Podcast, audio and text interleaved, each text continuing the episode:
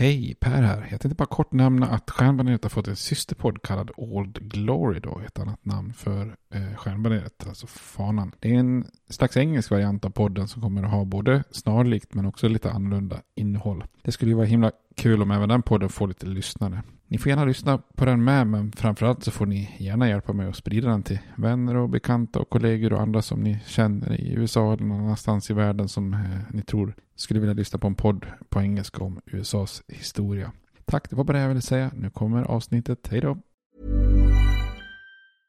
I'm Sandra, and I'm just the professional your small business was looking for. But you didn't hire me because you didn't use LinkedIn jobs. LinkedIn has professionals you can't find anywhere else, including those who aren't actively looking for a new job but might be open to the perfect role, like me. In a given month, over 70% of LinkedIn users don't visit other leading job sites. So if you're not looking on LinkedIn, you'll miss out on great candidates like Sandra. Start hiring professionals like a professional. Post your free job on linkedin.com/people today. Everyone knows therapy is great for solving problems, but getting therapy has its own problems too, like finding the right therapist, fitting into their schedule, and of course, the cost. Well, BetterHelp can solve those problems. It's totally online and built around your schedule. It's surprisingly affordable too. Connect with a credentialed therapist by phone, video, or online chat, all from the comfort of your home. Visit betterhelp.com to learn more and save 10% on your first month. That's BetterHelp H E L P. Burrow's furniture is built for the way you live. From ensuring easy assembly and disassembly to honoring highly requested new colors for their award-winning seating, they always have their customers in mind. Their modular seating is made out of durable materials to last and grow with you. And with Burrow, you always get fast, free shipping. Get up to 60% off during Burrow's Memorial Day sale at burrow.com slash ACAST. That's burrow.com slash ACAST. burrow.com slash ACAST.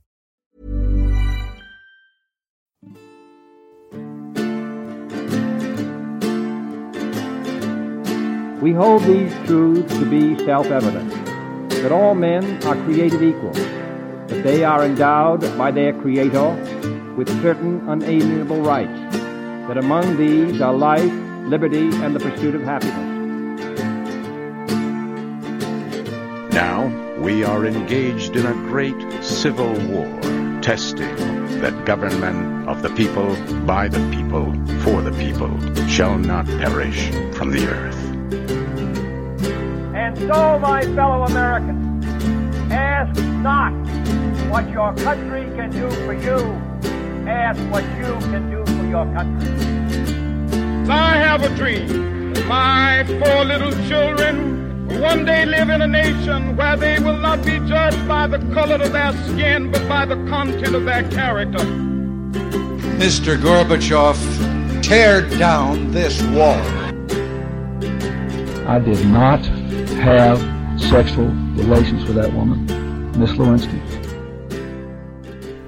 Då hälsar vi välkomna till Stjärnbaneret en gång till. Hallå Robert. En podcast om amerikansk historia. Bra att du fyller i. De här inledningarna är inte min starkaste Jo, sida. jag tycker det är bra. Ja, ja, när vi inte behöver ta om. Ja.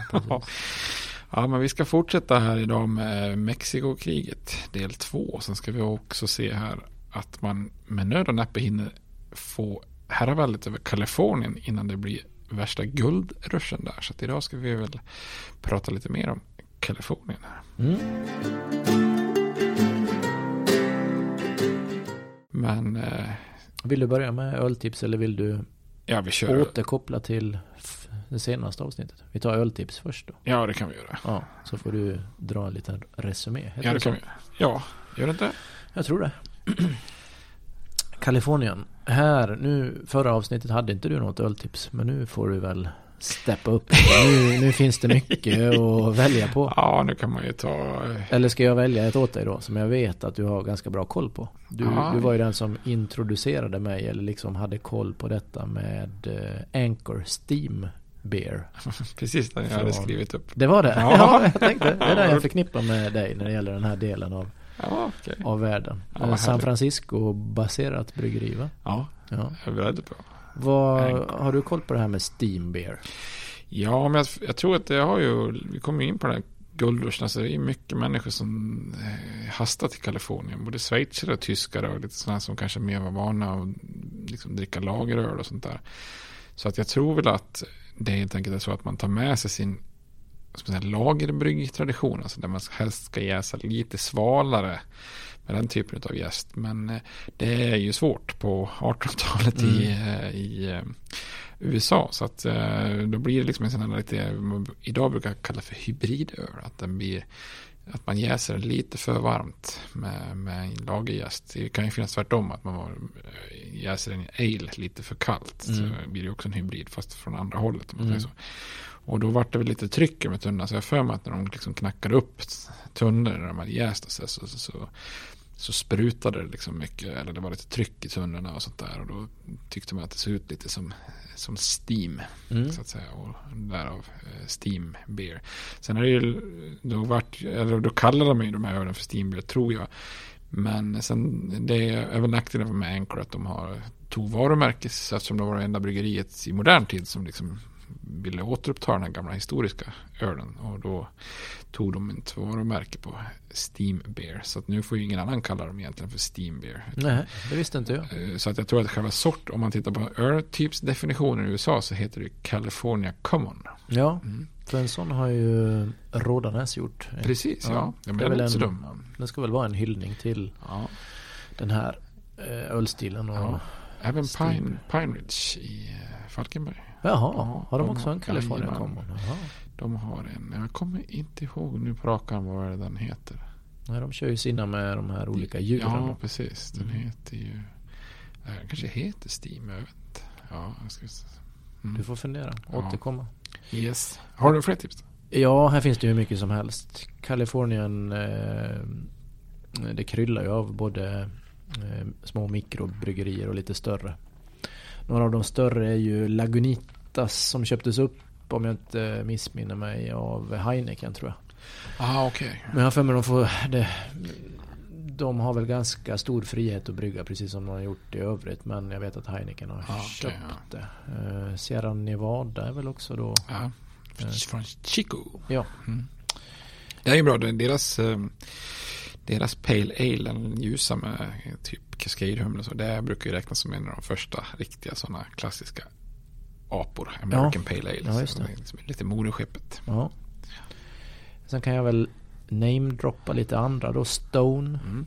Eh, Monkish. Eh, de har ju haft lite samarbete. Det är ganska litet och bryggeri. Men de har haft samarbete med bland annat eh, Omnipollo. Eller Aha, Omnipollo. Okay. Pojo. eh, Mumford.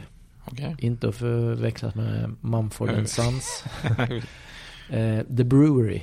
Eh, fast då med en annan stavning än just The Brewery. Det med B-R-U-E-R-Y. Mm. Efter en som heter Rue i efternamn där då. Okay, de bygger eh, belgiska sorter. Oh. De har en belgisk eh, eh, gäststam som de utgår ifrån. Coolt. Mm. Eh, och sen sist men inte minst ska jag rekommendera Ballast Point. Ballast Point, mm. ja. Där de har eh, en IPA är det va? Som heter Skalpin. Som Precis. jag hade uppe här på bordet. Du viftade med, ja. du viftade med den nyss. de har väl havstema på alla sina öl om jag inte missminner ja, just ja, mm. Olika fisksorter eller eh, något liknande. Väldigt så här, tropiskt fin. Ja, den är bra. Om man gillar så fruktiga IPA. Och den tropiskt. är väl, om jag inte har helt fel, med i standardsortimentet på Systembolaget. Mm. Så den, Ballast Point eh, Skalpin kan mm. jag då rekommendera till alla lyssnare. Den passar nog bra eh, just som du sa med lite tropisk och lätt till det som ska handla om Kalifornien. Ja. Du nämnde ju Stone. De har ju ja. sin klassiska Arrogant Bastard.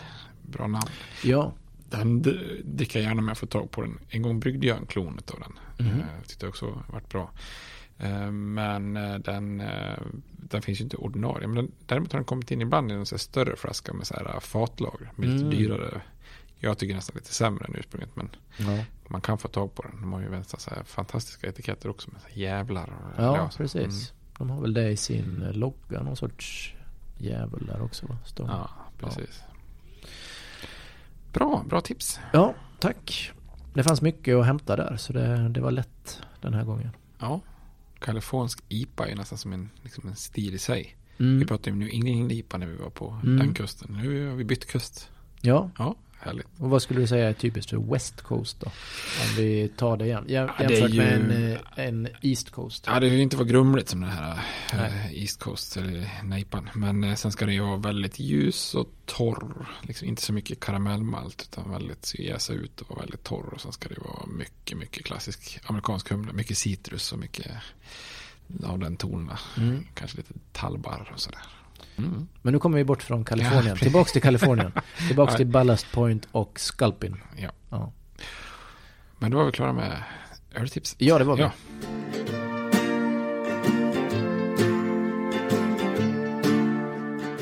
Ta oss tillbaka lite här. Första delen av Mexikokriget. Vart, vart stoppade vi? Vi var på väg mot Mexico City om inte jag Ja, missminner mig. precis. Vi var ju, som vi sa det, det är ju lätt att bara förutse att utgångspunkt, eller utgången av kriget blir att USA tar en stor seger och vinner alla de här områdena från Mexiko och så vidare. Men just där någonstans, februari 1847, när kriget är lite drygt ett år gammalt och sådär, så då är ju situationen inte sådär superbra. Det finns ett antal då mindre arméer där i både Kalifornien och New Mexico och, och norra Mexiko där han, Zachary Taylor, har haft en del framgångar. Men det har ju varit mycket motstånd, mycket uppror. Eh, Mexiko vägrar fredsförhandla. Så att eh, man måste göra någonting drastiskt där för att liksom på något vis kunna, kunna vinna det kriget. Så att eh, då blir det ju helt enkelt eh, en kampanj då för att gå rätt på, vad ska man säga, moderskeppet Mexico City där och, och erövra huvudstaden i Mexiko. Och det här uppdraget går ju till en annan general då som heter Winfield Scott. Eh, Winfield Scott och Zachary Taylor är väl de stora liksom, generalerna här under Mexikokriget. Mm. Eh, och eh, Scott han är från Virginia och eh, han är ju en av USAs kanske främsta soldater eh, någonsin. Och han har en så här militär karriär som sträcker sig över 53 år. Inte så- det är inte så dåligt.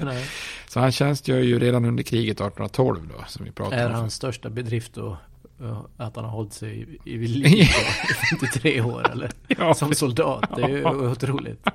Ja, det får man ju säga. Det, Ja. det är imponerande i sig. Mm. Eh, och, och, och, och framgång har inte bara flytt undan liksom. och Nej, Kurat precis. ihop sitt hörn. Ja, överleva kan man kanske.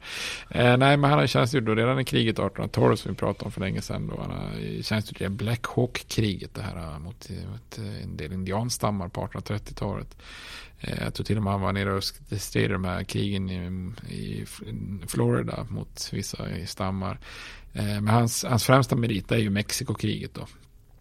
Eh, Men sen är han ju, han fortsätter ju sen efteråt också. Han är ju faktiskt överbefälhavare för unionstrupperna, alltså nordstaterna, i Mm. början av inbördeskriget också. Mm. Då är det självklart att han blir överbefälhavare. Då. Och hans status är så hög att eh, Whig-partiet då, eh, 1852 så, så dumpar de den sittande presidenten. Det är ju sällan man gör det. Har man en president som sitter i Vita huset så är det oftast ganska hög sannolikhet att man blir omvald. Så då Mm. ställer ju oftast partiet upp med samma kandidat igen. Då. Men då får sittande presidenten Millard Fillmore, det har vi inte kommit in på än, då, men han får kliva åt sidan och så nominerar Whig-partiet Winfield Scott istället. Då. Så förlorar han i och för sig presidentvalet. Så det var inte så bra då. Men 1855 så får han faktiskt högst rang inom armén eh, efter George Washington. Bara George Washington har haft den eh, nivån tidigare. Så, att säga. så han är en, en, en, eh, en av USAs främsta soldater i historien. Då. Ja. Och planen för Winfield Scott och hans armé är att de ska fraktas ner på båtar eh, längs kusten. Då, eh, öster om Mexico City då, på, på kusten. Där. Ska man landstiga där och sen I Mexikanska golfen? Eller? Ja, precis då. På Mexikos, Gulfen Gulfen, ja. På Mexi, Mexikos östkust där, så ska man marschera då eh, 40 mil västerut till eh, huvudstaden då, Mexico City. Mm. Och det är ju en ganska riskfylld operation då, för han kommer ju att behöva tvingas att kapa sina möjligheter till försörjning då. Marschera armén djupt in i fientligt territorium då, mot en armé som antagligen är, kommer att vara större än sin egen då. Så man kan egentligen säga att han gör en repris på Hernán Cortés. Eh, alltså han som kuvade Mm. aztekerna eh, där på 1500-talet. Då. Eh, och då var ju aztekernas eh, högsta ledare hette ju Montezuma. Mm. Eh, och eh, så att lite av ett motto då för den här offensiven är ju då To the halls of Montezumas. Som det heter då, både sång och litteratur. Vi pratade om det här faktiskt i det här avsnittet. Vi första kriget mot terror, när vi pratar om de här nordafrikanska staterna, mm. så vann ju amerikanska marinsoldater en, en seger där i Tripoli. Eh, ja, så var det att det blev kvar i marinernas eh, sång. To the, to the shores of Tripoli och To the halls of Montezuma. Så mm. det är liksom de, de två stora framgångarna de pratar om där, bland annat i sången. Då. Eh, men det här krävs ju en jättelik planering för det här liksom militära mästerverket. Och kunna landsätta då 10 000 man med förnödenheter, material, vapen, ammunition och sånt där. Det krävs ju en minutiös planering. Och Scott är väldigt duktig på det här. Så man kan säga att det är inte förrän andra världskriget som USAs armé gör en lika avancerad landstigning igen. Utan det är en ganska stor grej då. Eh, så efter några månader av noga planering så ger han sig iväg då den 9 mars 1847 och genomför en landstigning nära orten Veracruz som ligger på Mexikos östkust. Och Veracruz är en eh, ganska viktig strategisk stad för Mexiko för det är landets kommersiella centrum. Och sen då är det ju hamnstad och den främsta handelsstaden med resten av världen då ut i Atlanten. Eh, så att, eh, och, och det är här som vägen eh, österut och från Mexico City slutar. Så att är man i Veracruz så har man liksom vägen rätt in där då. Så det är ganska starkt befäst med 400 kanoner och, och Mexiko har ju underrättelse som vet att det är en kommande invasion är på gång. Men lite typiskt det för Mexiko och den mexikanska armén så är det mycket interna stridigheter och, och revolter. Då, så att den generalen Morales som, eh, som ska försvara Veracruz, som är en gammal veteran från striderna vid Alamo. Eh, han får inte riktigt de förstärkningar han vill ha på grund av lite eh, käbbel där. Och han vågar därför inte ta ut sina trupper utanför staden och möta Skotts landstigning. Så det innebär att eh, man lyckas då, för man är lite smart, man landar lite söder om staden. Så att eh, eh Skott han lyckas ta i land sina 10 000 man då utan en enda förlust egentligen. Mm. Och sen belägrar han då Veracruz och eh, till slut så är det en massa internationella sändebud och grejer som, eller diplomater som börjar pressa eh, Mexikos eh, styre där. Så att till slut så kapitulerar de då den 28 mars eh, efter två veckors belägring då. Och det finns ett spännande tillfälle här under den här kampanjen där, där, där Scott själv är ute på en liten så här rekognosering i en liten, liten eh, båt. Mm. Man mhm. får intrycket att det måste vara en, en eka, höll jag på säga, med, så, eh, med delar av sin stab då. För, och de tror att de ska kunna bara kika lite o, osedda då. Men mexikanerna får ju syn på den här lilla båten och börjar skjuta med kanoner. Då, så det är en massa, massa kanonskott som landar i vattnet runt den här båten. Så får liksom ro så fan för att mm. komma bort från det här då. Eh, och det är lite spännande att tänka på, för i den här båten då, i hans stab så fanns både George Meade och Robert E. Lee då, som, som ska, kommer att mötas som mm. varsin befälhavare för nord och syd under slaget vid Gettysburg 1863 då, i inbördeskriget. Men också Joseph Johnston och Pierre Bogard som är två sydstatsgeneraler som deltar bland annat i det första slaget i Bull Run och sådär. Så att mycket under, in, under inbördeskriget hade kunnat fått, eh, fått eh, varit stor skillnad på ifall den här båten hade träffats. Då. Ja. Men drygt en vecka senare då så börjar general Scotts armé marschera västerut då. Eh, och det blir bokstavligt i Hernán Cortés fotspår där, där han marscherade 1519 då. Ja, skrev inte du något specialarbete om det? Eller? Jo, i gymnasiet skrev jag om aztekerna. Ja, precis. Jag har för mig mm. nästan det. Jag förknippar aztekerna med dig. Ja. ja. Vad, vad det, det känns som jag blandar ihop då. För som du säger, Montezuma är ju där. Men var inte han den här Atahualpa som de eh, ströp till döds. Men det kanske är nere i Sydamerika jag blandar ihop. Det... För dåligt insatt. Ja, jag borde ju också som historielärare vara bättre på detta. Men... Ja. ja, jag skrev om Cortés i alla fall och om eh, aztekerna, hur deras kultur såg ut innan eh, spanjorerna kom och så. Ja. Vill du veta mer om det? ja, har du någon, Nej men något som, något, något, som eh, har varit konstigt i det där, eller vad jag kommer ihåg av det här, det var att varför det gick så lätt för Cortés att ta över då eh, aztekernas rike var ju att de hade någon profetia om att detta skulle ske. Att det skulle komma en person då med eh, skägg och... Just blek eller Ja, ja. precis. Och, och, att många trodde att han var liksom den, den utlovade, nästan som en messias då. Att man la ner vapnen och så. För det var ganska få soldater, han lyckades inta hela det här aztekernas rike med då. ja, precis. Ja, kanske ännu större bedrift. Ja, det, det skulle jag nog säga. Man, Ja. Mm. Han var the chosen one. ja, Som ne Neo i, ja, precis. vad heter de? Går bort från heter filmerna. Matrix, ja. ja. De har vi ju nämnt tidigare. ja. Precis. Nej, Men, men tillbaks till eh, Ja, precis. där vi Jag- var, jag- jag i Cortés Ja. fotspår här då. Vi vet, du sa ju bokstavligen, men det var väl lite väl.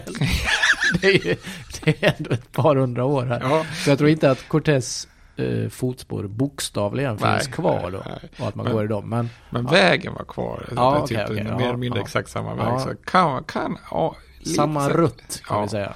Det skulle kunna vara så att Någon, satt fötterna ja, nära någon- varandra. Ja, precis. Någon har säkert satt Ja, ja. eh, sina fötter där Hernán Cortés satte sina. Ja. Ja. Jag tänkte säga att Cortés han har lite bråttom västerut, men det hade han säkert också. Men eh, Scott har i alla fall bråttom Mm. västerut här då, för att eh, Veracruz, staden då, som de intar, är en sån eh, notorisk håla för eh, gula febern. Mm. Jag läste att gula febern på spanska heter El vomito negro. Vilket betyder är- svarta spyan. Svarta spy. Ja, jag tycker det låter, det låter, jag skulle hellre få gula febern, svarta Ja, spyan, men ja, det är ju samma sak. Så det, men jag tycker det var ett bättre namn. ja. Eh, och det är så här en del frivilliga soldater som har kort tjänstgöringstid, så han har lite bråttom västerut där. Eh, och efter den här förlusten mot eh, Zachary Taylor då vid Buena Vista som vi pratade om förra gången så har ju då Santa Ana, eh, mexikanska befälhavaren, skyndat söderut till Mexico City igen och rustat upp en ny armé. Och han sätter av då österut för att stoppa skott och eh, försöka eh, hindra honom då. Och då intar Santa Ana en stark position i ett bergspass eh, som heter Cerro Gordo. Ungefär där det mexikanska höglandet eh, börjar. Eh, och eh, eh men Scotts trupper lyckas då Eh, ta sig igenom och besegra mexikanerna här ändå då. Bland annat efter att just eh, Robert E. Lee då, som blir känd under inbördeskriget, han är tillhör ju ingenjörstrupperna. Han lyckas bland annat vid, vid något tillfälle hissa upp kanoner på en höjd. Och från den här höjden så kan de beskjuta mexikanska positioner där. Så att det blir en bra vinst för Scott och han är så jäkla nöjd att han skryter om att eh, Mexiko no, no longer has an army säger han. Så, så bra tycker han att eh, vinsten är faktiskt. Och Santa Jag Ana, återkommer det här med artilleri känns det som. Ja, de måste verkligen. ha haft bättre då. Eller ja deras artilleri är bättre och de har Ja. lite bättre te teknik. Liksom, så Ja. snabbare fram eh, kanonerna och använder dem på lite annat sätt. Då. Ja. Men Santa Ana, han vart ju tillfångatagen där eh, i Texaskriget. Mm. Han håller på att bli tillfångatagen här igen då faktiskt. Men han lyckas precis eh, fly till fots då. Eller ja, till fots. Det, ja, det blir lite ironiskt att säga det för han har träben. ja. Så han flyger kanske inte till fots. Eh, Det är faktiskt lite roligt. De, vid, vid ett tillfälle, jag tror det är det här, då hittar de hans, eh, när de tar liksom mexikanska grejer, så hittar de träben. Så att, eh, det blir ju en väldigt trofé att ha Santa Annas Ja, träben. visst. Så jag tror att till och med att den har, den, hans träben har funnits på museum i, eh, i USA. Liksom, så, Mhm. Som en liten trofé då. ja. Men att mexikanerna redan har besegrats, det blir lite att jinxa det då för skott här. För att eh, när han närmar sig Mexico City så har Santa Ana skramlat ihop ytterligare en på 30 000 man. Som då intar en defensiv position i utkanten av staden där och, eh, förbereder sig då för en desperat kamp. Så de börjar så här, vet, ta till sådana här drastiska smälta ner kyrkklockor och göra kanonkulor och Mm. sådana saker då. Eh, och armé, trots lite, ny, eh, lite nyförvärv och sånt där, så har den, den återigen sjunkit till, till typ under 10 000 man. Så att han är, ja, det är inte, det är inte så lite som Cortés, men det, han är ju numerärt underläge då. Och nu står ju då amerikanerna inför den här gamla stekhuvudstaden. Så när man kommer upp där på höjderna och ser ner så är det ju tydligen en väldigt vacker syn då. Eh, för den här Cortés han beskrev det som en stad full av öar med ett virrvarr av landbryggor och stigar och längs de här sjöarna för att nå fram då. Nu är det ju visserligen typ 300 år senare men en del av de här sjöarna, vattendragen, även om de är igentäckta så kan man ju se de här mönstren och, och liksom ett slags liksom, Eh, ja, lite sjöar och kanaler som, som fortfarande finns kvar då. Så när han börjar anfalla då eh, skott här i augusti 1847 mot Mexico City så är det lite av en utmaning då. För det, hela det här eh, området blir liksom en väldigt fördel för försvarare då. Det är mycket våtmarker, det är mycket vattendrag, mycket smala vägar, svårt att manövrera och framförallt så är det ju så att amerikanernas övertag på artilleri och kavalleri blir ju lite neutraliserat i en sån miljö då. Men med en del de är väldigt duktiga på spaning och ingenjörskonst och sånt där. Så Scott han lyckas liksom hitta vägar hela tiden runt de mexikanernas eh, flanker. Eh, när de inte har försvarspositioner så tvingar han hela tiden mindre delar av den mexikanska armén att besegras och kapitulera och tvinga sig tillbaks då. Eh, men här blir ju striderna hårdast under hela kriget och mest brutala då. Eh, eh tvingas liksom tvingas tillbaka så strider de liksom om varje meter. Då. Och vid ett slag här vid Molino del Rey så lider amerikanerna förluster på 800 man då, vilket blir i princip en fjärdedel av anfallsstyrkan som, som anföll den här platsen då. Och ett slag här vid en plats som heter Churubusco så förlorar mexikanerna 4000 man bara på en dag då. Och amerikanerna förlorar 1000 man. Vilket ju blir ganska mycket om man ser till hur stora arméerna var då. Och ganska ofta blir det närstrider hand mot hand, vilket ju också är ganska drastiskt och brukar tyda på att det är väldigt hårda strider då. Men till slut så lyckas då de styrande i Mexico City eh, övertala Santa Ana att eh, vi får evakuera staden för att liksom rädda den från all förstörelse här. Mm. Artilleri eller sånt där. Så den 14 september så kan eh, Winfield Scott rida in i staden i triumf då. Och så har den gamla aztekhuvudstaden fallit en andra gång då för en invasion från, från havet. Ja. Eh, men Santa Ana han har ju fortfarande 9000 soldater så han tar sig då österut runt Skott för att belägra ett fort vid staden Puebla. Där Skott har lämnat en liten styrka bakom sig. Och det är en ganska sund strategi för att eh, kan han inta den här orten så då tvingar han ju Skott att ändå lämna huvudstaden igen Annars kan han ju inte skicka några som helst förnödenheter längs vägen där österut mot eh, Veracruz. Då. Eh, så det kan ju hans situation bli ohållbar. Men då är det en annan amerikansk general, Joseph Lane, som är på väg västerut från Veracruz då med förstärkningar. Och tillsammans så lyckas man då, eh, de här styrkorna, eh, besegra Santa Anas lite slitna armé eh, igen då och rädda det här Puebla. Så med Scotts ockupation av Mexico City och det här Pueblas räddning så är ju liksom den militära delen av kriget eh, färdigt. För nu, nu, nu har de inte mer att sätta till om Mexiko utan nu tvingas de att komma till en fredsuppgörelse. Så nu blir det upp till diplomaterna och inte längre militärerna. Då.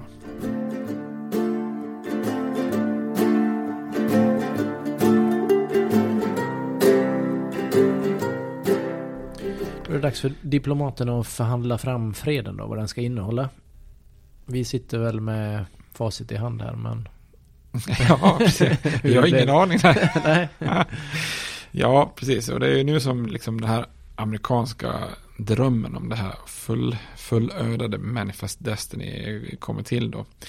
Eh, den 2 februari så skriver man på ett eh, fördrag då, eh, som blir att heta Guadalupe Hidalgo-fördraget efter den lilla byn där man, där man skriver på då. Ehm, och här har man ju förhandlat lite fram och tillbaka. För många amerikaner tyckte ju att man skulle ta mer än bara Texas då, alltså att reglera Texikos. eller Texikos. Texas gräns är en sak, men nu vill man ju ha mer territorier och det var ju Polks strategi, presidentens strategi redan från början, att skicka en massa arméer för att ockupera de här nordliga delarna av, av Mexiko och Kalifornien, eh, så att säga.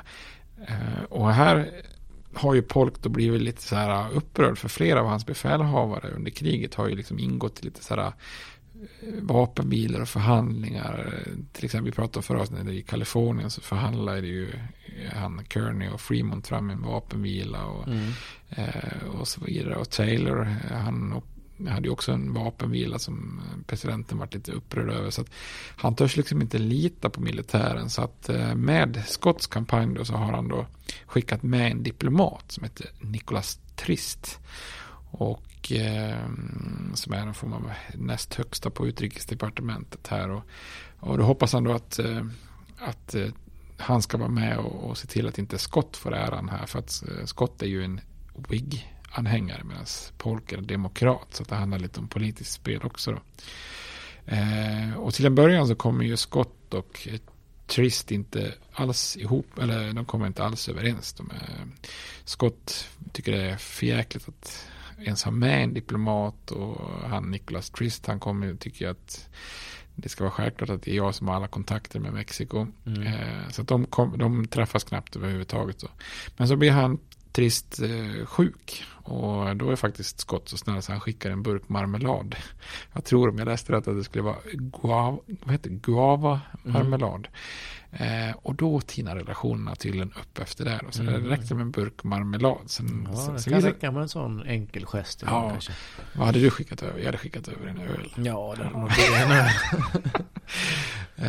eh, lite tacos kanske. Nej, men eh, så då blir de helt plötsligt väldigt goda vänner till slut här. Eh, och eh, Scott har ingen som helst problem med att eh, Trist eh, får ta alla typer av förhandlingar här. Och Mexiko försöker förhandla lite grann i några lägen. Men då kräver de egentligen att man ska få behålla de här nordliga provinserna. Så det kan inte USA riktigt gå med på det här. Eh, och när presidenten hör att Scott och Trista blivit liksom goda kompisar, då blir han lite oroad. Så därför ger han faktiskt en order om att återkalla Trist till Washington. Eh, så precis när Mexiko då, när Mexiko City har fallit och precis när mexikanska ledarna eh, gå med på att verkligen fredsförhandla på mm. seriöst. Då får han trist en order om att han ska tillbaka till Washington och mm. ja, typ, kriget måste fortsätta ungefär.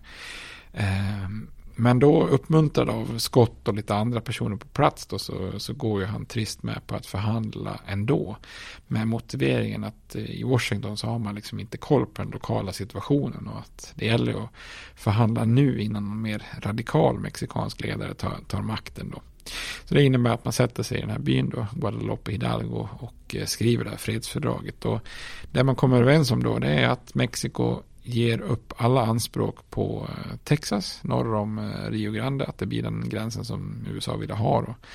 Och dessutom då att man avträder eh, sina två provinser, Nueva Mexico och Alta Kalifornien då, alltså det som de ser som norra Kalifornien.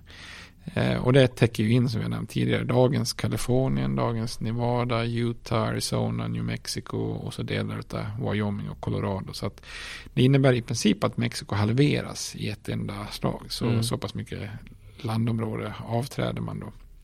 Som kompensation då. och går... att USA fördubblas nästan då. Ja, Nästa. precis. Jag, jag, jag kommer inte ihåg om det är att man får ungefär en tredjedel av en sitt tredjedel, ja. Mm. Eh, och eh, som kompensation då så får USA betala Mexiko 15 miljoner dollar eh, och även ta över skulder som amerikanska medborgare då, framförallt från Texas hade då på den mexikanska staten som är ytterligare 3 miljoner. Och när det här fredsfördraget når president Polk så blir ju han eh, skitförbannad och tycker att Trist har ju förrått honom för att han var ju faktiskt återkallad innan. Så rent formellt skulle han ju som president kunna säga att jag förkastar det här fördraget. Mm. För att det här är inte framförhandlat av en, en diplomat som har, hade det uppdraget just då. Eh, men samtidigt så vill han ju få slut på, på kriget och han märker att det här fredsfördraget uppfattas som ganska positivt av ganska många då. Så att han får ändå skicka det till senaten då. Och sen senaten ratifi, ratificerar fördraget då i mars 1848 då. Eh, och trots att det är lite kompensation sådär mot Mexiko så är det ju på något vis ja, men det är liksom en katastrof där. Det är liksom, de här amerikanska gringosarna har ju liksom tagit halva, halva landet och man kan säga så här, det är, det är Mexiko, det tar lång tid innan de liksom återhämtar sig från det här. USA och Mexiko har ganska ansträngda relationer ganska lång tid efter det här. Då, så att säga. Det här, faktiskt, det här uttal, eller det här ordet gringo Mm. Har man hört många gånger. I ja. olika, det, vad heter det? det finns faktiskt en teori om att det uppstod under ockupationen av Mexico City. Mm. För då var det många amerikanska trupper som sjöng en populär låt som började så här Green grows the grass. Mm. Eh, och då hörde mexikanerna framförallt de här två första stavarna Green grow. Och då var det gringo. Mm. Eh, jag tycker det är lite, lite så här svag. Ja, men ändå. Kanske. Mm. Eh, det finns också en annan teori, läste jag, att det kommer från grego, alltså grekiska på mm. spanska. Eh, och att det då användes på samma sätt som amerikanerna säger så här, eh, it's Greek to me. Mhm. Vad säger vi? Vi säger så här, det är några, det är några kinesiska. Ja, precis. Ja, ehm, och, och att då, eh, när man hörde amerikanerna prata så var det ju grego, liksom. Gringo blev det. Men jag vet inte, vilken röstar du på? Ja, men då tyckte jag den första lät bättre tycker jag. ja, faktiskt. Jag. Green grows det. Ja. Ja. Men det är ju en väldigt kontroversiell fred även i USA. För många eh, Whig-anhängare, speciellt i nordstaterna, de anser ju att USA inte skulle kunna kräva några som helst ytterligare landområden. Bland annat då på grund av risken för slaveriets spridning. Men det är många som är ganska rasistiska också. Man tycker inte att man ska ha. Varför ska man ta massa områden med massa mexikanare i? För i Mexiko har man ju varit liksom lite mer öppen för det här med att eh, gifta sig med ursprungsbefolkning och sånt där. Medan det har ju varit väldigt liksom, eh, tabu i, USA. Så man vill inte gärna ha in lite som man säger blandraser. Nej. Jag säger så. Citationstecken är bra när man gör podd. Mm.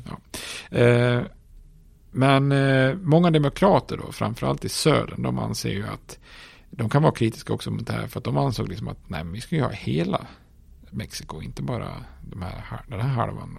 Och som, kom, som vi kommer att se så är det ju väldigt många i södern sen som vill fortsätta den här manifest destiny-rörelsen och tycker att USA borde äga Kuba och en massa karibiska öar och sånt där. Så det finns ju en del, en del personer som sen försöker erövra öar och sprida slaveriet till, till dem sen senare som vi kommer att se. Eh, men Polk och demok Demokraterna som i, i stort då, så tycker jag ändå att det här är, har blivit bra här nu. För nu har man alltså nått, liksom, både fått Rio Grande-gränsen där i söder, men också fått hamnar på Stilla havskusten så att, eh, och allt land däremellan. Så de är ganska nöjda det här. Och det får ju ganska stora följder den här triumfen för alltså på bara knappt 75 år sedan USA föds då så har landet helt plötsligt uppnått det här med att eh, sträcka sig då från, från kust till kust. From sea to shining sea brukar man säga. Mm. Jag vet att det där med Obama som säger, han säger det, sa det flera gånger. Från Atlanten till Stilla havet. Och det här innebär ju att USA liksom går in i den industriella e- eran som vi kommer att prata om efter inbördeskriget. Och, eh, med ett landområde där de kan hitta de flesta naturresurser Eh, man behöver för en snabb tillväxt och eh, med en ekonomi då som kan riktas både öster och västerut och mot Stilla havet och Atlanten. Så att man kommer ju in i, eller man får ju en väldigt bra situation precis när landet ska industrialiseras också då. Och man tar ju emot mycket emigranter och eh, befolkningen växer och finns det utrymme och, och liksom inta i landet där. Nya, massa nya delstater där som vi kommer att komma till. Då. Eh, Men man har ju också skaffat sig territorier som man nu måste avgöra ifall slaveriet ska få existera eller inte. Och det är ju det som lite grann tar landet ganska rask takt mot inbördeskriget som vi kommer komma till då. Mm. En som förstår det är ju en eh, filosof som heter Ra- eller Ralph Waldo Emerson. Ganska känd amerikan. Han, han skriver i slutet på kriget att The United States will conquer Mexico but it will be as the man who swallows the arsenic which brings him down in turn. Mexico will poison us. Och det där citatet, Mexico will poison us, det brukar man ofta sätta som, ja, nu 1848 har vi de här territorierna, men 12 år senare har vi inbördeskrig. Så att, Mm. så att det här gör ju inte den här relationen mellan nord och syd speciellt mycket bättre då, helt enkelt.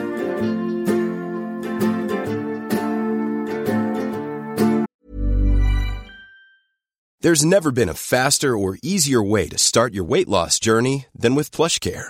PlushCare accepts most insurance plans and gives you online access to board-certified physicians who can prescribe FDA-approved weight loss medications like Wigovi and Zepbound for those who qualify. Take charge of your health and speak with a board-certified physician about a weight loss plan that's right for you. Get started today at plushcare.com slash weight loss. That's plushcare.com slash weight loss. plushcare.com slash weight loss. Everyone knows therapy is great for solving problems, but getting therapy has its own problems too, like finding the right therapist, fitting into their schedule, and of course, the cost. Well, BetterHelp can solve those problems. It's totally online and built around your schedule. It's surprisingly affordable too. Connect with a credentialed therapist by phone, video, or online chat, all from the comfort of your home. Visit betterhelp.com to learn more and save 10% on your first month. That's BetterHelp H E L P.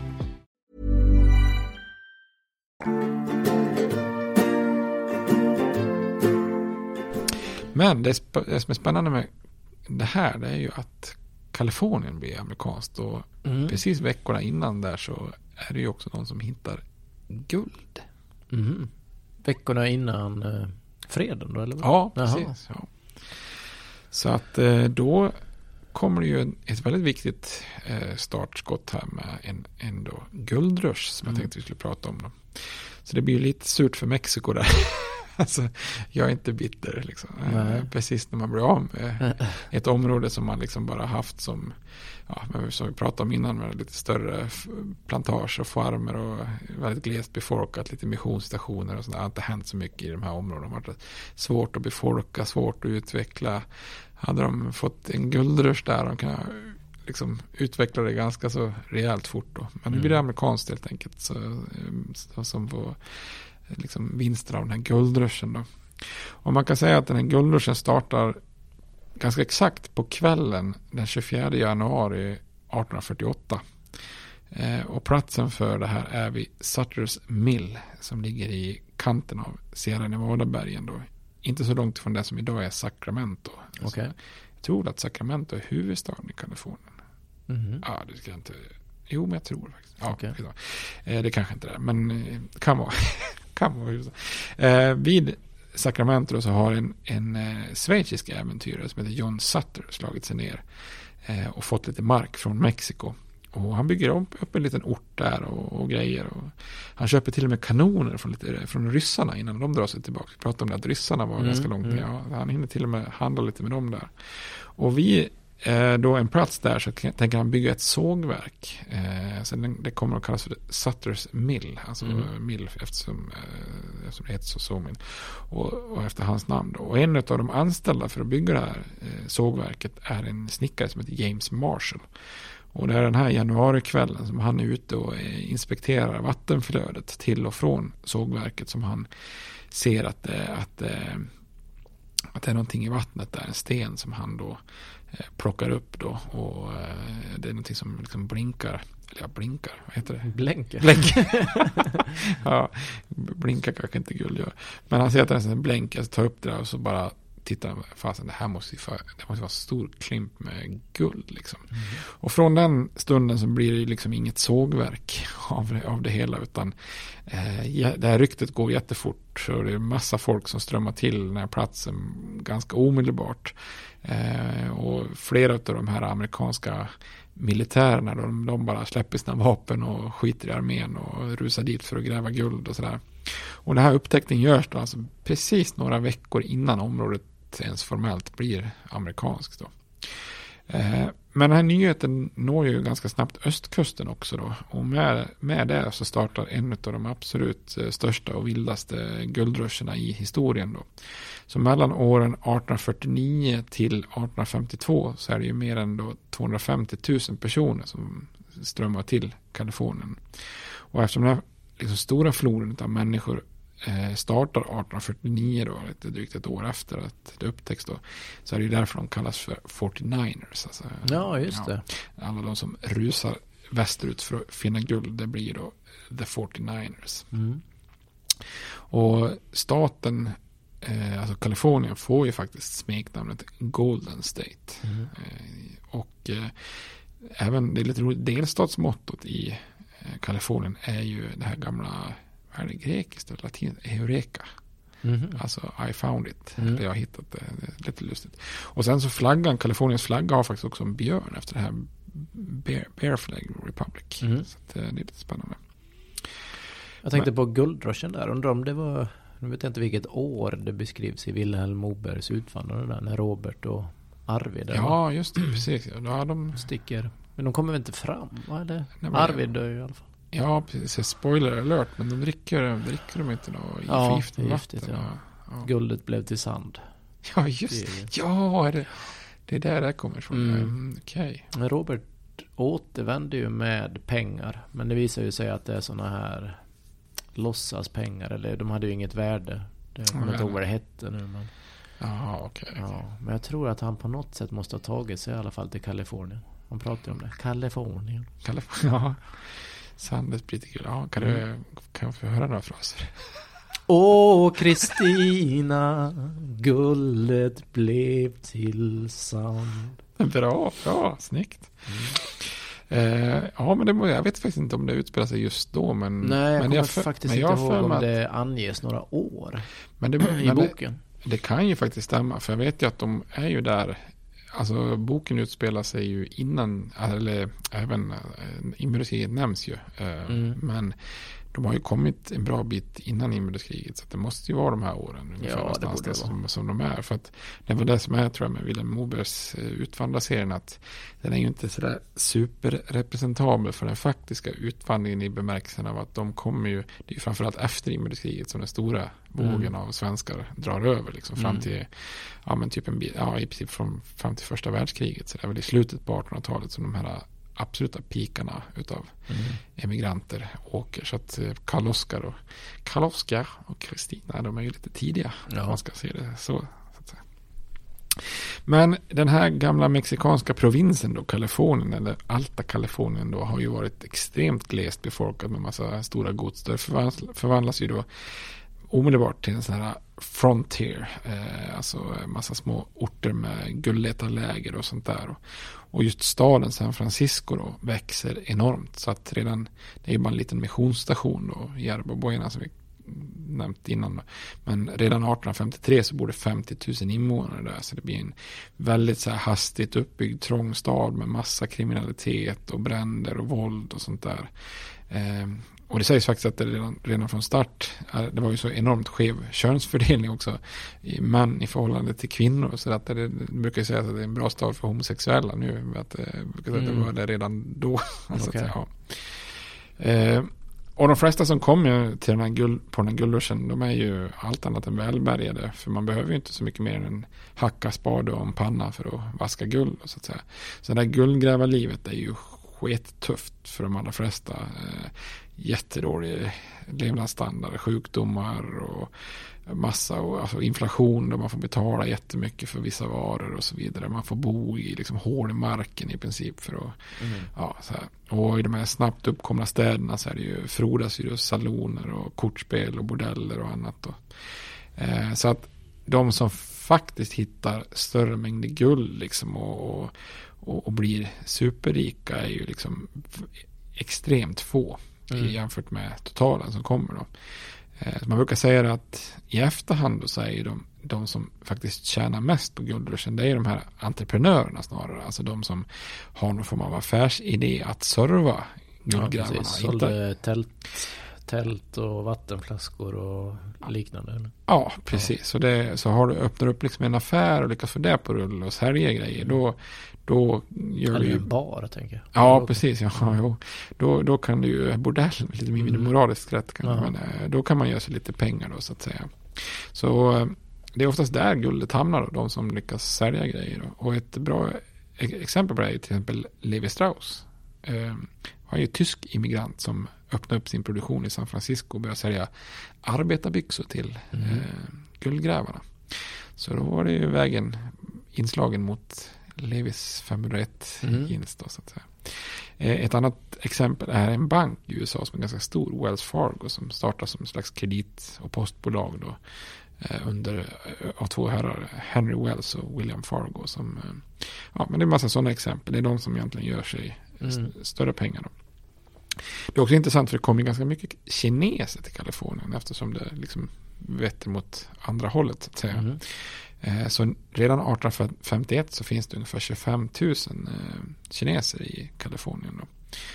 Eh, Och det blir lite speciellt för deras religion och språk och kläder och frisyrer. Det var ju vanligt med de här att de hade flätor liksom. Mm. männen där. eh, Och deras ätvanor och bruk av opium och sånt där. Det tyckte ju många amerikaner var jäkligt suspekta då.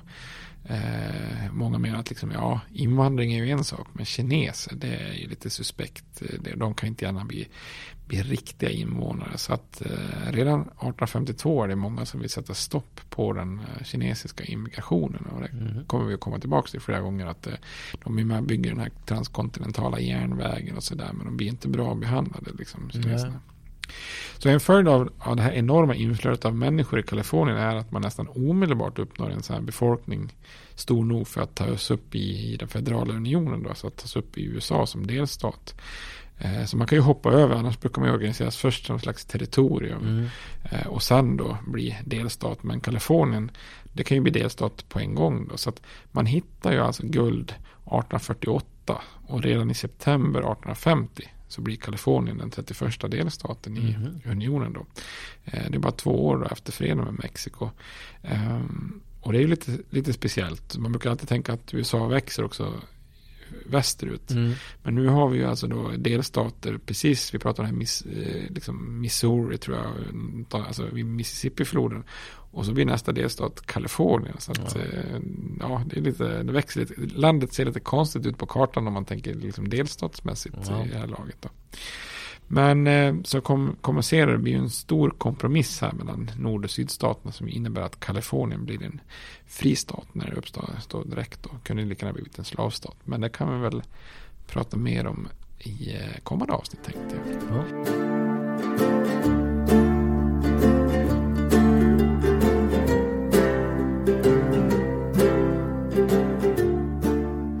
Men nu innan vi går vidare bara tänkte jag här, Kalifornien, man kan ju man kan ju inte prata om det utan att nämna Zorro.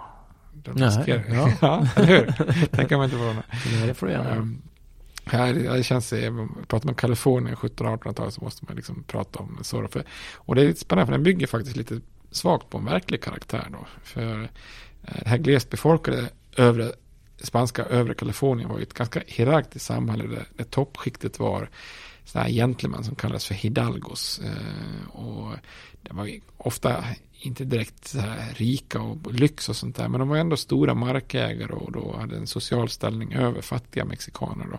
Så det var lite så här stolta män med väldigt självständig inställning då, långt från myndigheterna i, eh, i, i Mexico City. Då. Eh, och deras ställning i samhället får sig ju en rejäl törn här när amerikanerna strömmar in då. Så det är egentligen inte, det är mindre på grund av armén och mer på grund av guldruschen som de liksom hamnar i kläm då. Eh, när det byggs nya samhällen. Så, sådär. så man, man liksom kan inte kontrollera sina marker utan tio, tiotusentals liksom guldtörstiga amerikaner eh, far ju fram liksom som en insektssvärm där eh, på deras ägor då. Och en av de som ruineras av det här det är eh, Solomon Maria Simeon Pico. Eh, också Pico, vi pratade om bröderna Pico innan, men han heter också. Och i det tumultet som guldruschen innebär så förlorar han både boskap och mark. Eh, hans fru våldtas och dör. Eh, och här kan det vara lite så här svårt att skilja mellan fakta och legend. Men enligt legenden så, så, ta, så blir han då en maskerad ståtrövare stråtrövare på den här Camino Real då, en väg mellan Santa Barbara och Santa Maria, två orter i Kalifornien då.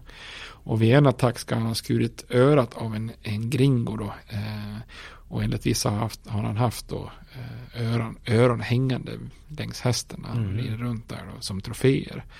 Eh, och vid ett annat tillfälle ska han ha skjutit hatten av en domare som skulle sätta dit honom och sådär. Eh, så han ska ha dragit runt då i åtta år och rövat och eh, antagligen haft hjälp av att två av hans bröder var borgmästare och en i staden San Jose. Då. Eh, men till slut så fångas han i, i Baja Kalifornien, då, lägre Kalifornien och eh, avrättas då. Och då sägs det att på 1920-talet så när man publicerade Zorro för första gången så var inspirationen den här leg- legendaren om den här Pico då.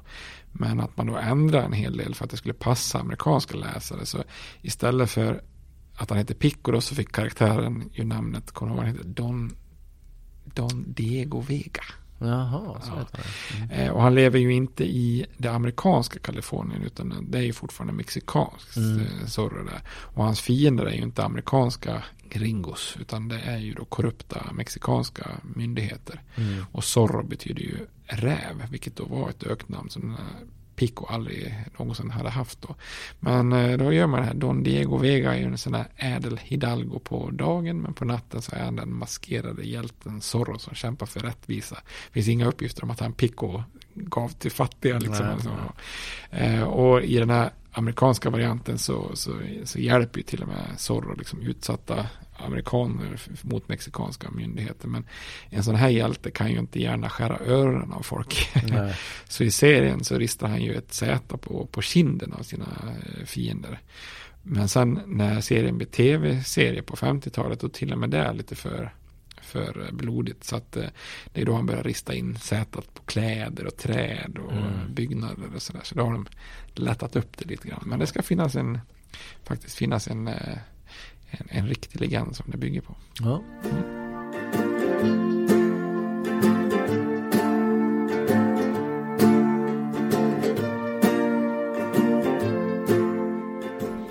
Ha, har vi något annat?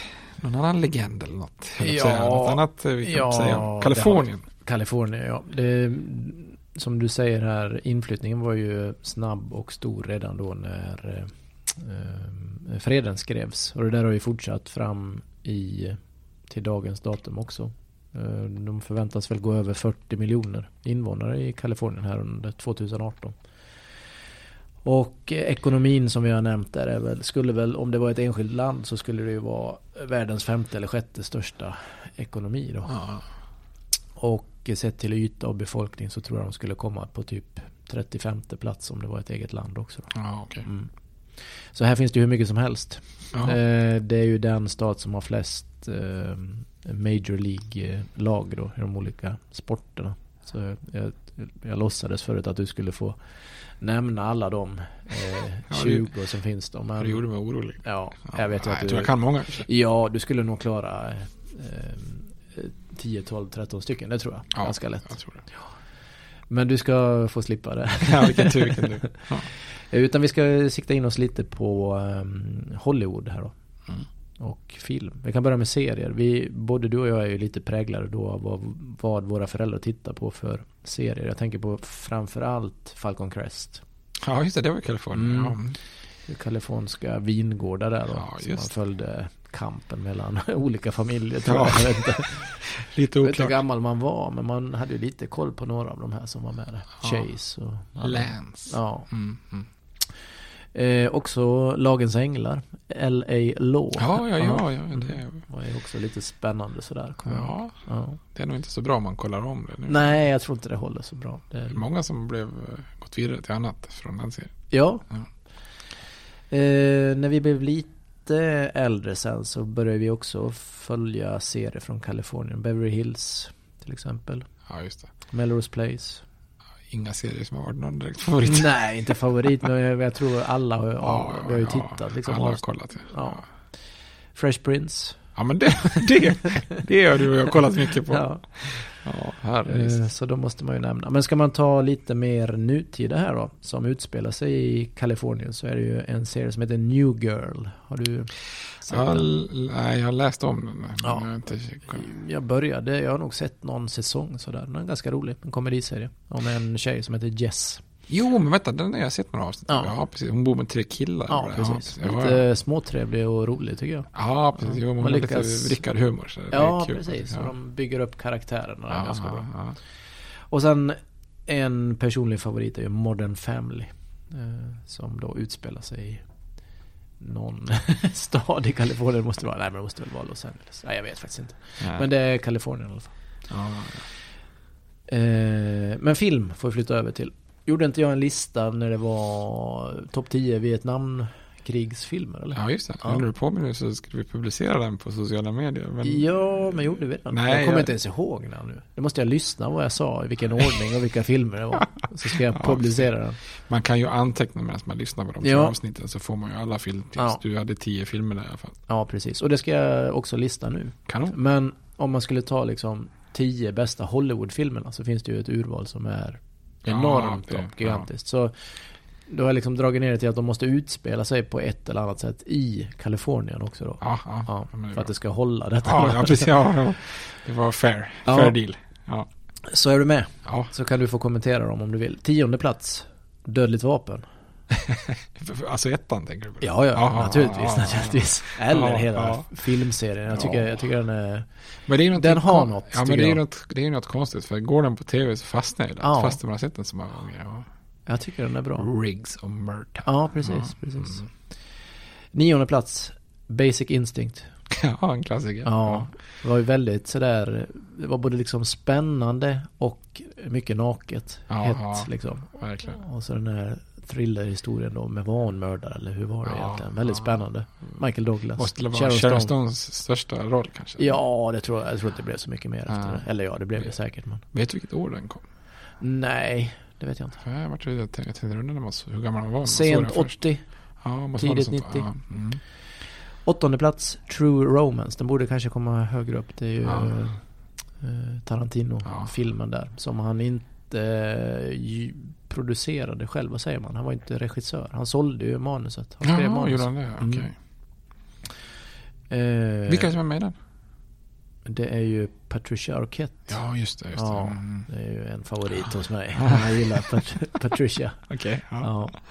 Och sen är faktiskt Gary Oldman med också. Han spelar Ja, knarkboss med rastaflätor. Jaha, han är för jävla bra. Ja, han är riktigt bra. Eh, sjua, Almost Famous. Kommer du ihåg den? Det bygger väl delvis på lite händelser kring olika rockband då. Det är en, en ung reporter som får följa med liksom på turné så här och skriva om- Ja, precis. Men Ja. då, då har jag sett den. Ja. Ja. men vem, är det som spelar reportern? Och vad heter han? Vid det här tillfället är han ju ganska ung också. Ja.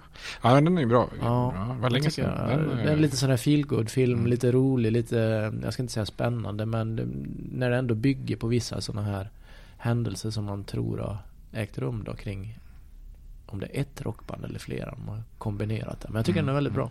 Ja. Eh, vad var jag på? Sjätte plats? Det var jag va? Ja. Boys in the Hood. Ja, riktigt bra film. Mycket bra. Mycket musik, soundtracket som Ja. jag gillade också. Ice Cube är väl med i den va? Ja, han spelar brorsan till han eh, som är på väg att bli känd fotbollsspelare som Ja. Skjuts sen. Eller Ja. ja, vi ska inte spoila det, men är kanske ingen som, om man inte har sett Boys in the Hood vid det här laget så kanske man inte hyr den här. Nej, det kanske man inte gör, men den, den är bra. Eh, femman, There Will Be Blood. Den har vi nämnt tidigare. Eh, den startar ju i New Mexico. Mhm. Men eh, han flyttar ju sitt företag till, eh, om det är San Francisco sen då. Daniel Day-Lewis. Ja, precis. Ja, bra på historiska roller. Ja. Mm. Han känns trovärdig på något sätt. Han, Ja. Jag tycker han är en bra skådespelare. Han gör väl en sjävla förberedelse innan han väl gör något tror jag. Ja. Det här säger jag nu att jag har fel i min lista. Det finns ingen nummer fyra. det finns bara nio filmer här då. Okej, ja, Ja. topp nio. Ja. Så jag måste flytta då till... Nej, där har jag ju den. Där har jag den. Här är ju fyran. ja, bra. Blood in, blood out. Åh, gud. Ja. Los Vatos Locos. Ja, precis då. Los Angeles är det va? När de Ja, den är gängkrig ja, och sen in på Ja, fängelse, fängelsefilm då. Ja, just det. En blir, Hemsk. En blir invalid, en blir brottsling, en blir polis. Ja, ja, precis. Ja, den Ja. är ju hemsk. Hemska scener i den också. Den är Ja. jobbig. Men eh, väldigt bra film. Den är Ja, tre det- timmar lång. Ja, den såg vi några gånger. Ja, det gjorde vi. Eh, tredje plats, California. Eh, när Brad Pitt är seriemördare. Eh, kommer ni ihåg att de... det är ju han som blir Agent Mulder. Vad heter han? Eh, ja, ja. David. Duchovny är han? Ja, Nej, precis. Ja. Han med flickvän, ska ju, eh, de är reportrar och ska följa, de åker och det är en sån här road movie som de siktar på Kalifornien. Då ska de väl eh, hamna i. De stannar på ställen där det har funnits massmördare, eller seriemördare. Okej. Och där de inte vet, de, för att liksom finansiera resan så tar de ju in det här White Trash-paret. Ah, just eh, det, Brad just det, Pitt ja. och eh, Juliette Lewis. Ja, just det. Just Ja. det. det. Ja, lite scary. Och han finansierar ju den här resan genom att mörda folk på vägen dit. Ja, just det. Jättebra film. Om ni Ja, inte har sett den. Det, det, jag tror det kanske räknas lite som en B-film. Eller den hade nog inte så stor budget, det tror jag inte. Men eh, väldigt bra film. kanske gått lite under radarn. Ja, det kan Mm. den ha gjort. Men den ska ni se. California med K då, stavas den. Fast det borde vara Mhm. California. Ja. Ja. Eh, tvåa. Din favoritfilm all time är det väl, tror jag. ja, det tror jag jag vet. Vilken? Nyckeln till frihet. Nej! Nej, okej. är det din favoritfilm? Nej, jag tycker den är bra. The Big Lebowski. Ja, ja, det ja, Ja. ja. Ofta, ja, Ja. ja. ja. den håller jag ju högre faktiskt. Ja, det, det tänker jag att du gör. Och etta är ju min favoritfilm. Pulp Fiction. Ja, precis. Ja, ja. Det är inte uttalat att den utspelar sig i Los Angeles, men jag antar att den gör det.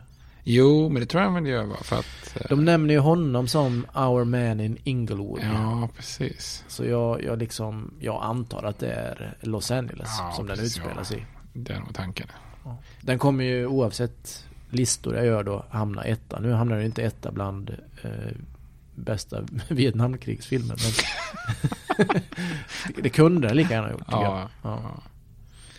Så där har du tio, eh, tio topplistan från, med filmer från utspelar sig i Kalifornien på ett eller annat sätt. Snyggt. Ja. Då har vi en tio, en tio topplista som höll ihop också. Ja, den Ja. här, och jag var så rädd för jag hade skrivit två stycken tre och jag var väl osäker då vilken jag skulle ta. Men nu, nu hade jag tio och, och fyran var då för att vara tydlig här, Blood in, Blood out. Ja, Ja. Men den kan vi publicera, den här listan. ja det Mm. kan vi göra. Garanterat. Ja, men kanon. Men då hade du inte så mycket sport. Nej, det finns hur mycket som helst. Jag tror vi skulle kunna prata ett helt eh, avsnitt om bara de olika lagen. Vill du namedroppa några? Ska vi ta... Nej. Du får klara... Nej. Jo, du får faktiskt ta... Du får ta hockeylagen nu då. Jag tänkte säga, eh, vi måste ju bara säga eh, det här begreppet 49ers. Ja. Det finns ju på San Francisco 49ers, amerikansk fotbollslaget. Ja. Det är ju ändå eh, med enorm koppling till själva guldruschen. Ja, så det är väl en bra koppling. På det jag tänkte vi, det måste vi ju ändå Ja. nämna. Så. Men eh, vad sa du, hockey? Ja, det är ju ganska många tätt där. Jag tänker på... eh, Alla borde ju vara, om man säger relativt nya lag då. Ja, jag tänker Kings Los Angeles väl- Kings är väl lite klassiskt på något vis. Ja, men- det måste väl vara först. Men ja, det, men sen jag tänker Mighty Ducks var ju inte så, det är inte så gammalt lag Nej. ändå. Eh, Anaheim och sen San Jose Sharks vet jag inte det känns ju också som att det var ganska nytt. Jag vet att du hade tidigt en sån keps. Och då, då känns det som de var ett ganska nytt lag. Ja, precis. Så det betyder ju att de inte så nya. men ändå inte, ändå inte gamla. Nej men det är ingen av de Ja. original six Nej, naturligtvis. nej. Eller liksom de första lagen så. Nej, nej, så är det ju. Inte. Ska vi se, tre, det är tre lag. Det finns tre hockeylag. Ja, det är det bra. Ja, för Las Vegas ligger väl i Nevada? Ja, va? precis, ja. Där har vi det senaste då. Ja, eh, det var Golden Knights. Var- de har varit, vi hade en- en hyfsad första säsong. Man Ja. verkligen. Det verkar vara svårare att prestera andra säsongen här nu. Ja, Kan ju vara lite så. Ja, precis. Sen nämnde ju du Golden State då. Ja, precis. Det finns ju Golden State Warriors. Ja? Mm. och där är ju den här svenska eh, spelaren Jonas Jerebko. Jaha, är han där? Mm. Ja, okej. Men Och vad, han, det, det är ju nu- San Francisco-trakten, eller? Eh, ja, det är det va? Ja, Det är väl den som räknas som the Golden State? eller? Ja, ja och hela staten. Ja. Det är staten med Golden Ja, men, precis. Ja. Ja. Han avgjorde ju en match här mot sitt gamla lag. Han spelade i Utah senast. Ja, okej. Så när vi spelar in det här då har han, ja det kanske är en vecka sedan då. Då petade han i sådär sista returen. Precis on the buzzer. Så han Jaha. vann då med någon poäng. Och det kan väl aldrig ha skett tidigare i NBA. Att en svensk avgjort. Nej, det, Har vi ens Tveksamt. haft andra svenskar spelandes basket i NBA? nej, jag tror inte det. Jag vet Nej. Inte. Det är ganska stort. Ja, får man säga. Ja. Ja. Så nu blev det sporten då. Ja, ja, men, Vill, vill du ha mer? Nej. nej, jag vet inte om jag kan så mycket mer sen. Nej, det finns ju naturligtvis baseballlag i Los Ja. Angeles och... Därför, jag tänker på Los Angeles Lakers, klassiskt. Ja, Ehm, det kanske vi ska Magic. Johnson, spelar inte han i? Jo, Jo, ja. Los Angeles Lakers. där och Kobe. Kobe Bryant. Ja, just det, och just nu gick ju eh, LeBron dit va? Ja, just det, så var Mm. det. Ja, sen finns det ju de där, eh, vad heter de andra? Los Angeles... Clippers. Clippers, ja, ja precis. De hade ju han den här, vad heter han nu då? Han som var lite talang för något år sedan, som dök upp här och han gjorde ju en sju jävla dunk i det här. Det vet nog du mer än Eh, mig. och vad heter det, den här All Star matchen? Mhm. Vad fasen heter den? Ah, skit. Eh, ja, baseball, vad har vi där? Eh, Dodgers. Dodgers vi, pratade vi om att de såldes. Ja, just det, från New det? York. Ja. Mm. Nej, men vi ger oss, det finns för mycket. Ja, vi... LA Galaxy är ju i ropet mest. Ja, ja, det, det, det, Ja, ja. kan vi ta också. Men de har väl typ, har inte Los Angeles två eller tre Major League Soccer-lag? Ja, det kanske de har. Ja, två vet jag. Men Ja. eh, i, i Kalifornien finns det nog tre i alla fall. Ja, okej. Ja. ja, men det finns mycket sport. Stor, Ja. stor del. Men vi kan ju komma tillbaka. Vi gillar ju inte vad sista gången vi nämner Kalifornien. Nej, det finns som sagt hur mycket som helst. Om vi bara ska prata om staten. Ja. Ja, Nej, men vi ger oss så. ja det gör vi. Ha det gott hörni. Ha det bra. Hej, hej. States like these and their terrorist allies constitute an axis of evil. And if the hippies and the yippies and the disruptors of the systems that Washington and Lincoln, as presidents, brought forth in this country will shut up and work within our free system of government, I will lower my voice. If the impeachment provision in the Constitution of the United States will not reach the offenses charged here, then perhaps that 18th century Constitution should be abandoned to a 20th century paper shredder.